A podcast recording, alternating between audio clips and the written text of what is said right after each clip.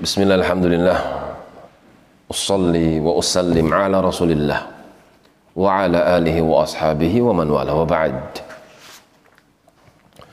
Masih di dalam surat Muhammad sallallahu alaihi wasallam sampai ayat yang ke-19. Firman Allah Fa'alam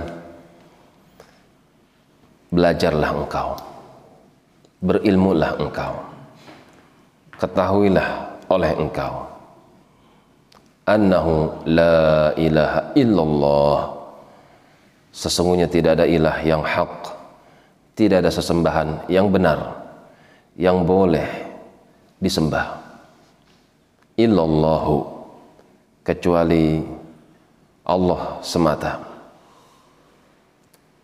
Segala macam bentuk ritual ibadah itu tidak benar tidak boleh dilakukan oleh hamba kecuali ibadah tersebut dia harus berikan kepada Allah semata.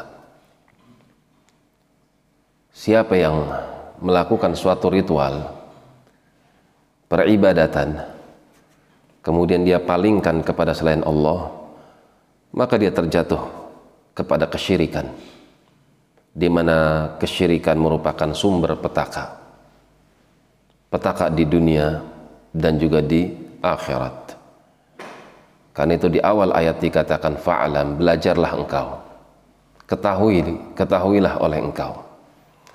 Annahu la ilaha illallah. Sesungguhnya tidak ada ibadah yang benar.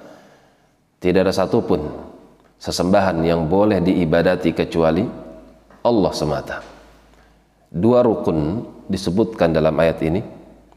Kalimat la ilaha rukun yang pertama tidak ada sesembahan yang boleh disembah. Penafian. Rukun yang kedua illallahu. Kecuali peribadatan itu hanya untuk Allah subhanahu wa ta'ala. Wastaghfir li dzambika setelah itu mintakanlah ampunan kepada Allah li dzambika disebabkan karena dosa-dosamu Para ulama silang pendapat apakah Nabi punya dosa? Maka mereka sepakat bahwasanya Nabi tidak memiliki dosa. Lantas makna wastaghfir li dzambik di sini mintalah ampunan kepada Allah dari dosamu. Maka para ulama menafsirkan bahwasanya istighfar di sini adalah fungsinya untuk mengangkat derajat beliau. Karena istighfar termasuk sesuatu amalan yang akan mengangkat derajat seseorang. Kemudian makna yang kedua, kenapa Nabi diperintahkan untuk istighfar? Ada suatu amalan di mana Nabi Shallallahu Alaihi Wasallam yang apabila melakukan suatu amalan tersebut maka beliau menganggap itu adalah dosa Sementara di sisi Allah itu bukan dosa. Ada satu kesalahan, ada satu kekeliruan mungkin yang dilakukan oleh Nabi akan tapi tidak sampai kepada taraf dosa. Akan tapi beliau disebabkan karena kemuliaan jiwanya menganggap hal yang kecil, hal yang remeh itu adalah dosa. Contoh seperti kasus ketika datang seorang yang buta kepada Nabi Sallallahu Alaihi Wasallam minta nasihat sementara Nabi sedang mengajarkan para pembesar Quraisy.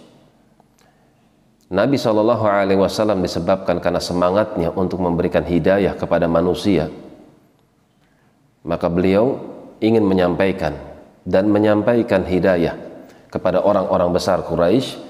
Cuman ketika itu datang seorang yang buta dan Nabi menganggap kalau kedatangannya adalah bukan suatu hal yang tepat. Karena itu Nabi Shallallahu Alaihi Wasallam cemberut. Cemberut adalah bukan suatu hal yang maksiat pada asalnya. Ditambah lagi orang yang dicemberutin adalah seorang yang buta.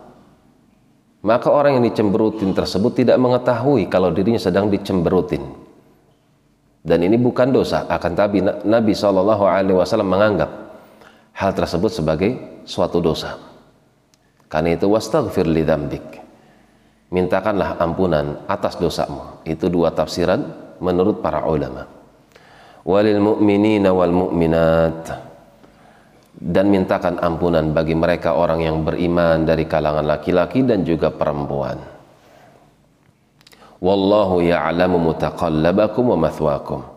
Ketahuilah sesungguhnya Allah Subhanahu wa taala Dia Maha tahu. Dia Maha tahu di mana tempat kalian dan di mana tempat kembali kalian. Tempat kalian mutaqallabakum, tempat kalian berpindah-pindah.